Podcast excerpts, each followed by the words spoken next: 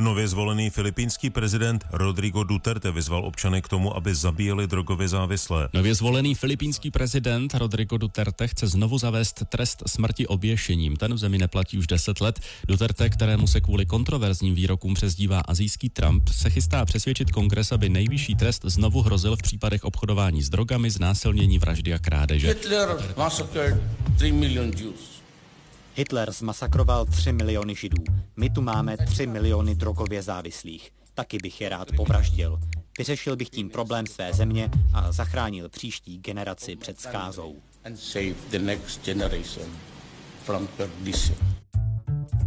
Filipínci jsou v poločase drogové války, kterou před třemi lety vyhlásil prezident Rodrigo Duterte.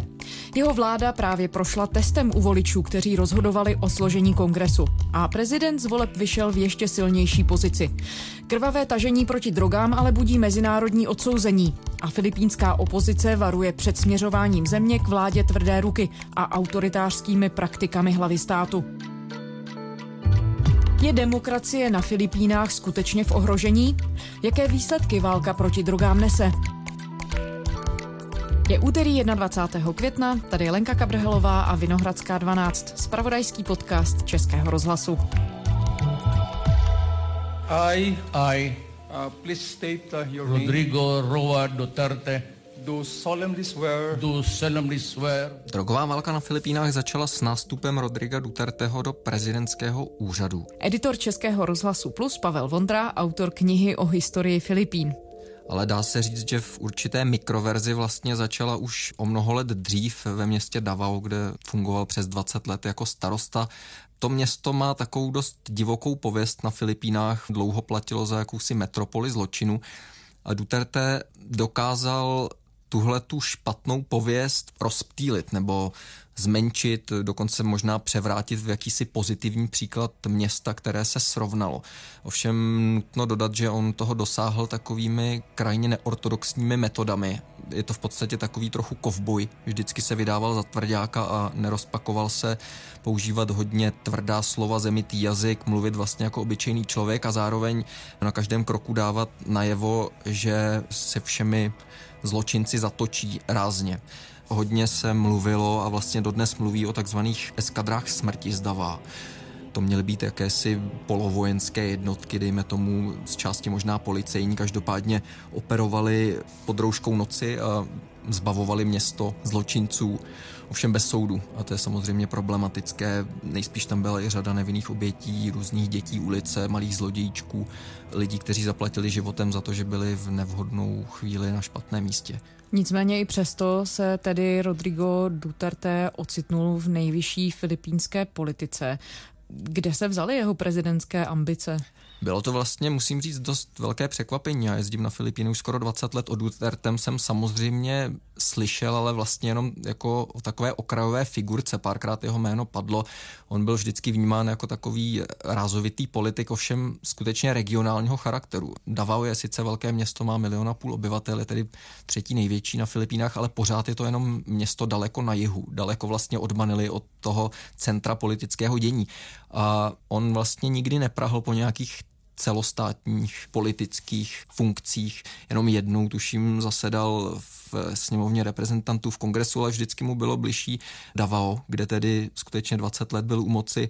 Střídal se tam vlastně se svou dcerou Sarou Duterte, která je v současné chvíli úřadující starostkou města, protože na Filipínách platí omezení, že můžete jenom třikrát za sebou vykonávat mandát takže on pak ustoupil, byl více starostou a pak se to zase vrátilo do starých kolejí. Nicméně ta kandidatura na prezidenta v roce 2016 ta skutečně překvapila. On dlouho váhal s tím oznámením, ale potom, když řekl, budu kandidovat, tak poměrně rychle vyletěl v těch preferencích do jejich čela a potom už z nich nespadl. Ale i tak to byl poměrně šok. První regionální politik, který se dostal do prezidentského paláce. On sám tedy o sobě mluví pořád jako o starostovi, že nemá tu prezidentskou funkci rád a říká, říkejte mi starosta Duterte. A víme, co dělal předtím, než byl starostou Davao. On byl takový právník druhé kategorie, řekl bych. On vystudoval práva v 60. letech, na začátku 70. a vlastně potom hned začal pracovat jako asistent na prokuratuře právě v Davau. Nejdřív to byl jakýsi čtvrtý asistent, pak třetí asistent, druhý asistent, ale nikdy to nebyla žádná právnická hvězda. Každopádně měl co dočinění s potíráním zločinu, když se to tak vezme. A v téhle roli ho zastihla revoluce proti bývalému diktátorovi Ferdinandu Markosovi v roce 86. On se stal úřadujícím vicestarostou, následně mu prezidentka Akinová svěřila roli úřadujícího starosty a on potom v těch prvních volbách hned začal kandidovat a už se dá říct, že tu funkci nikdy neopustil. A zjevně tedy jedno z nejbližších témat je pro něj boj s kriminalitou. Evidentně. Byl to právě tohle téma, co mu přineslo tu prezidentskou funkci? Já bych řekl, že ano, protože on o málo čem jiném mluvil. Eh, ještě taky mluvil o potírání korupce, ale to je takový evergreen, o tom vlastně mluví skoro každý filipínský politik, protože je to opravdu rozšířený nešvar. Filipíny jsou v těch mezinárodních žebřících korupce hodně dole a je to něco, na co si běžný Filipínec hodně stěžuje. Takže i o tom Duterte mluvil, ale mnohem víc než jakýkoliv jiný politik mluvil právě o tom zločinu, že bude nekompromisní a tvrdý, hodně často používal slovo zabíjet. And if you really destroy my country, I, I, I will kill you. To je vlastně dost nezvyklé. On skutečně na každém tom předvolebním schromáždění několikrát použil slovo budeme zabíjet, já osobně budu zabíjet. Taky v několika rozhovorech se dokonce přiznal, že on sám má na svědomí několik lidských životů, ale vždycky tak jako to naznačil, pak třeba řekl, že ano, a když se ho doptávali, tak o tom nechtěl mluvit. Nicméně pěstoval si tu imič toho tvrdáka, který se nerozpakuje zjednat pořádek i za cenu těch velmi nekompromisních metod. A myslím si, že s tím velice cílevědomě pracoval a nějakým způsobem to evidentně zaimponovalo filipínskému elektorátu a prostě si řekli, ano, ta situace je špatná, chce to někoho, kdo se prostě nebude bát establishmentu politického, kdo tam v tom udělá vítr, kdo převrátí ten zavedený pořádek, protože ten politický systém nefunguje. A je to pravda, že filipínská politika to je takový cirkus, kde se točí pořád dokola stejné rodiny a dá se říct, že propojení biznesu a politiky je tam skutečně úzké, takže je určitě co kritizovat a pokud se objeví někdo, kdo říká, že v tu bažinu vypustí a že tam zjedná pořádek, tak asi to nějakým způsobem Filipíncům zaimponovalo. A mimochodem zajímavé je, že podle těch průzkumů veřejného mínění to zdaleka nebyly třeba jenom chudší nebo dejme tomu nevzdělaní voliči, kteří mu dávali svůj hlas. On naprosto dominoval například mezi Filipínci pracujícími v zahraničí, což samozřejmě ne vždy jsou to jenom elity, ale jsou to lidé, kteří se mají ekonomicky určitě lépe, takže socioekonomicky on vlastně vyhrával i v těch vyšších třídách. Takže spíš to byla jakási jiná rétorika, kritika toho politického establishmentu zdiskreditovaného a slib, že velmi rázně zatočí s nešvary, kterými filipínská politika trpí a speciálně se zločinem. Jaké výsledky ta válka proti drogám nese. Jsme v poločase, uplynuly tři roky funkčního období prezidenta Duterteho.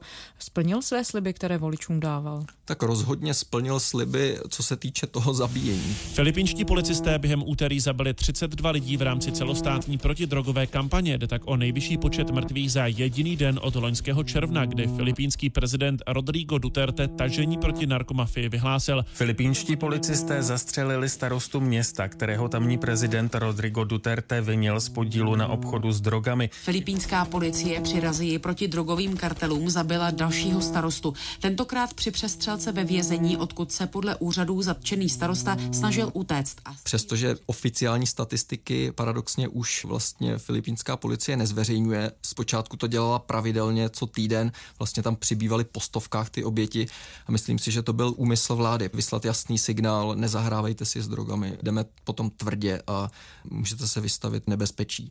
Ale potom, když se zvedla mezinárodní kritika, že ta válka proti drogám de facto neměla žádné mantinely, všechno bylo povoleno a Duterte jasně vysílal signály policistům, nebojte se používat služební zbraň, musíme to zlo vymítit, nedopustím, aby jste skončili ve vězení, máte mou podporu, tak se tam rozhostilo takové klima beztrestnosti, řekl bych.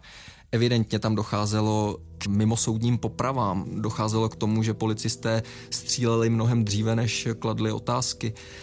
A ta bilance tedy podle různých lidskoprávních skupin je v tuto chvíli už někde přes 12 tisíc, někdo dokonce tvrdí 20 tisíc mrtvých. Jedna skupina akademiků si dala tu práci, že skutečně pečlivě zkoumali veškeré dostupné záznamy a bohužel tam je problém v tom, že ne všechny záznamy o těch policejních operacích jsou dostupné. Ta válka je dost netransparentní. Ale z těch dostupných zpráv prokazatelně můžeme mluvit minimálně o pěti a půl tisících mrtvých, ale skutečně reálně to může být dvakrát, možná třikrát víc. Thousands of deaths nationwide now that he's president. Critics say he's creating a culture of fear. They take killings is just normal. And this is not normal, no? This is not what we are as Filipinos. Válka je velmi tvrdá. Otázka je, jestli dopadá na lidi, kteří z toho drogového biznesu mají skutečně profit, protože Duterte taky se vyjadřuje o drogově závislých jako o zločincích. On říkal, drogově závislý to je pro mě zločinec, protože když jste drogově závislí, musíte si eh, někde schánět peníze na tu svoji dávku. No a když eh, když jste chudí, tak co budete dělat? Budete přeprodávat ty drogy. Takže on skutečně nerozlišuje mezi drogovým uživatelem, drogovým překupníkem. Kdokoliv se dotkne drogy, tak je pro něj vlastně škodná a de facto má na sobě terč. Ty jsi sledoval i velmi konkrétní případy lidí, kteří se setkali nebo se stali i obětí této mm-hmm. drogové války. Můžeš je popsat? Je zajímavé, že ta drogová válka vlastně disproporčně dopadá na chudší vrstvy obyvatel. Jsou to typicky obyvatelé předměstí, nejenom slamů, ale i hůře ekonomicky situovaných částí města. Já jsem v Manile se vypravil na předměstí Kalókan, kam normálně turista asi nezabloudí, ono je to i dopravně špatně obsluhované. A speciálně mě tam zajímal případ Kiana de los Santos, 17-letého studenta, který se stal takovou, dá se říct, prominentní obětí války proti drogám. Vlastně jeho smrt vyvolala tisícové demonstrace. Ten jeho případ byl dost specifický v tom, že k té vraždě, můžeme říct, protože soud už potvrdil, že skutečně šlo ze strany trojice policistů o vraždu, o de facto o mimosoudní popravu, tak uh, oni to nafingovali tak, že tvrdili, že po nich střílel a že oni opětovali palbu v sebeobraně. Nicméně to jeho tělo, když se našlo a soudní pitva to potom potvrdila, tak měl tři průstřely v hlavě ze zadu. Soudní expert potvrdil, že On při té střelbě klečel nebo ležel na zemi. Byli tam i svědci, protože bylo 8 hodin večer, to je ještě doba, kdy je spousta lidí venku, takže tam byli svědci, kteří, kteří mohli vypovídat, že slyšeli například, jak volá těsně před tím, než se ozvali ty výstřely, prosím pane, ne, zítra mám být ve škole a pak když ho našli, tak vlastně svíral v levé ruce pistoli, přestože byl pravák. Už to je prostě velmi podezřelé. Když jsem tam byl, to už bylo možná půl roku potom, Nechal jsem si ukázat ta místa, mluvil jsem s jeho strýcem. Uh, the police are making, they, they are say, uh, uh, not saying the truth. Because in their uh, report they say that... Policie neříká pravdu. V protokolu se píše, že můj synovec měl pistoli a že oni jen opětovali palbu. Forenzní zpráva přitom jasně prokázala, že klečel nebo ležel tváří k zemi, když do něj vypálili tři rány. Měli by říct popravdě, jak to bylo. V tu dobu, co já jsem s nimi mluvil, tak ještě ten případ nedospěl do svého vyústění. Byl to první případ, kdy soud uznal policii vinou z mimosoudní popravy. Takže bylo to takové malé vítězství spravedlnosti, ale byla to skutečně velmi řídký jev a takových případů, kdyby se to prošetřovalo, řekl bych, jsou jednotky a těch případů obětí jsou tisíce. Jak vážné problémy s drogami na Filipínách jsou? No to je právě paradoxní, že podle dostupných statistik vládních agentur je na Filipínách nějakých milion a půl drogových uživatelů. Filipíny mají víc než 100 milionovou populaci, takže i podle tvrzení různých agentur OSN je to vlastně hluboce pod průměrem. Jinými slovy, není to nějaký vážný problém, který by vyžadoval urgentní řešení typu drogové války. Už se vůbec nebudu bavit o tom, že válka proti drogám jako koncept je, řekl bych, dost překonaný. Vlastně i v zemích, kde to zkoušeli, tvrdí, že to nepřináší přináší ty výsledky. Takže podle mě to byl dost uměle vytvořený problém a mám tendenci si myslet, že to Duterte prostě udělal jako takovou výhodnou taktiku, takový kůň, který se dá osedlat aby vlastně předstihl tu svoji politickou konkurenci. On uměle vytvořil problém, sám sebe nabídl jako někoho, kdo ho vyřeší a vlastně pracuje s tím vyvoláváním strachu, a málo kdo se odváží kritizovat potírání drog, protože v tu chvíli vlastně se vystavujete kritice, no a proč jako vám se to nelíbí, vy jste taky napojený na drogový biznis. Byli lidé, kteří spochybňovali válku proti drogám od samého začátku. Můžeme připomenout případ senátorky Leily Delimy, bývalé ministrině spravedlnosti ve vládě prezidenta Akína vlastně před tím, než přišel Rodrigo Duterte, taky kdysi vedla Filipínskou komisi pro lidská práva. Yes, Mr. President, indeed, we must wage this war against drugs. But there must be another way. Ano, pane prezidente, válku proti drogám je třeba vést, ale musí existovat jiný způsob než tenhle, který nás zavedl nad propast, pod kterou se rozprostírá jen beztrestnost, strach a nakonec i naprostá nelidskost. Ta několikrát svolala zasedání vyšetřovacího výboru v Senátu, kde svědci vypovídali o tom, že ta válka má podivné parametry, že jí provázejí velké přešlapy, pochybení a možná, že skutečně policie tam hraje takovou podivnou roli, kdy spíš vytváří problémy, než že by je řešila. No a stalo se to, že dnes je Leila de Lima už druhým rokem ve vazbě, čeká na soudní proces na základě obvinění z toho, že sama byla napojena na drogové dílery. Ovšem ti, kdo to tvrdili, to jsou vězni, kteří si odpikávají sami tresty a nepůsobí to věrohodně. Opozice a i mezinárodní organizace vyloženě mluví o tom, že to byl politický proces, respektive k tomu procesu ještě ani nedošlo, ono už je dva roky ve vazbě. Takže není jednoduché podle mě tu válku proti drogám kritizovat. Filipínci podle různých průzkumů veřejného mínění vlastně Duterteho podporují, dokonce podporují i tu válku proti drogám, nebo podporují to, že se má, mají drogy a drogový biznis potírat, ale zároveň vyjadřují obavy z toho, že by se to mohlo třeba dotknout jich osobně nebo jejich blízkých. That is, I mean, that is very personal, but what is happening now, you know, I'm so afraid that my son might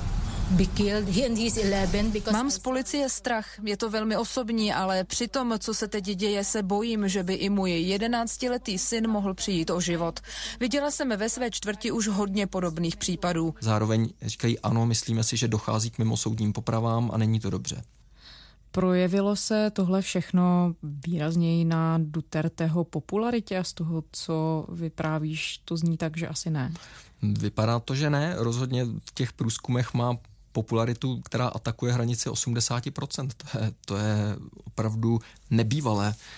Zdá se, že to je prostě úspěšná taktika, jak opanovat i ten politický systém. A bohužel má to i neblahé doprovodné jevy, že ti lidé, kteří spochybňují ten způsob vedení nebo i tu samotnou válku proti drogám, například bývalá předsedkyně nejvyššího soudu, vlastně byla za velmi nestandardních okolností odstraněna z té funkce. Stejně tak už jsem zmiňoval senátorku Delimovou. E, jsou tam další opoziční politici, kteří se nebojí tu válku proti drogám. Kritizovat, ovšem je jich málo a teď po těch volbách, které se konaly vlastně minulý týden, jich je ještě méně, protože do Senátu například neprošel ani jeden kandidát, který je proti Dutertemu. Nikdo, kdo by ho kritizoval. Je to dost bezprecedentní výsledek, něco takového se myslím stalo naposledy před 80 lety, že by z těch 12 volených míst do Senátu vláda nebo administrativa, respektive úřadující prezident, vyhrál všechna místa. Podle singapurského deníku The Straits Times volby potvrdili doslova neuvěřitelnou oblibu tohoto muže.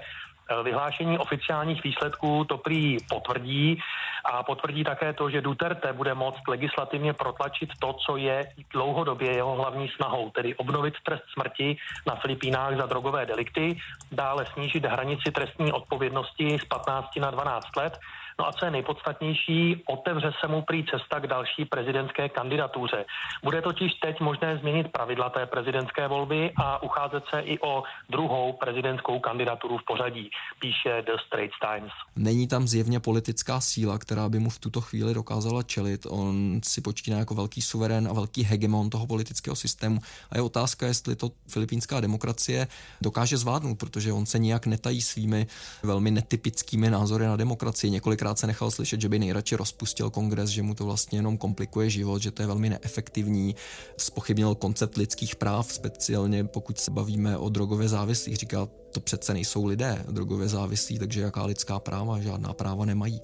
A to nerozlišování mezi někým, kdo je podezřelý ze spáchání něčeho nekalého a rovnou jeho označovaním za viníka, to je samozřejmě nebezpečná věc. Právo na spravedlivý proces jakoby přestalo existovat. Policie de facto může dělat, co chce, i když těch případů, kdy pochybila, kdy se sama dopustila trestních činů nebo zločinů, únosů například soukromých osob, vydírání, všechno pod pláštíkem války proti drogám, těch případů je nespočet, ale policie se nemusí zodpovídat z toho, co dělá, protože policie má de facto biankošek od nejmocnějšího muže ve státu, který řekl, že na policii nedá dopustit a že je potřeba bojovat proti zločinu a proti zločinu a proti drogám se bude bojovat do posledního dne jeho mandátu. Otázka je, kdy ten mandát skončí, protože opozice se nepokrytě obává toho, že by mohl Duterte chtít změnit například ústavu, že by tam mohl chtít zůstat déle než těch šest let, takže to uvidíme, co se bude dít teď během toho zbytku jeho funkčního období.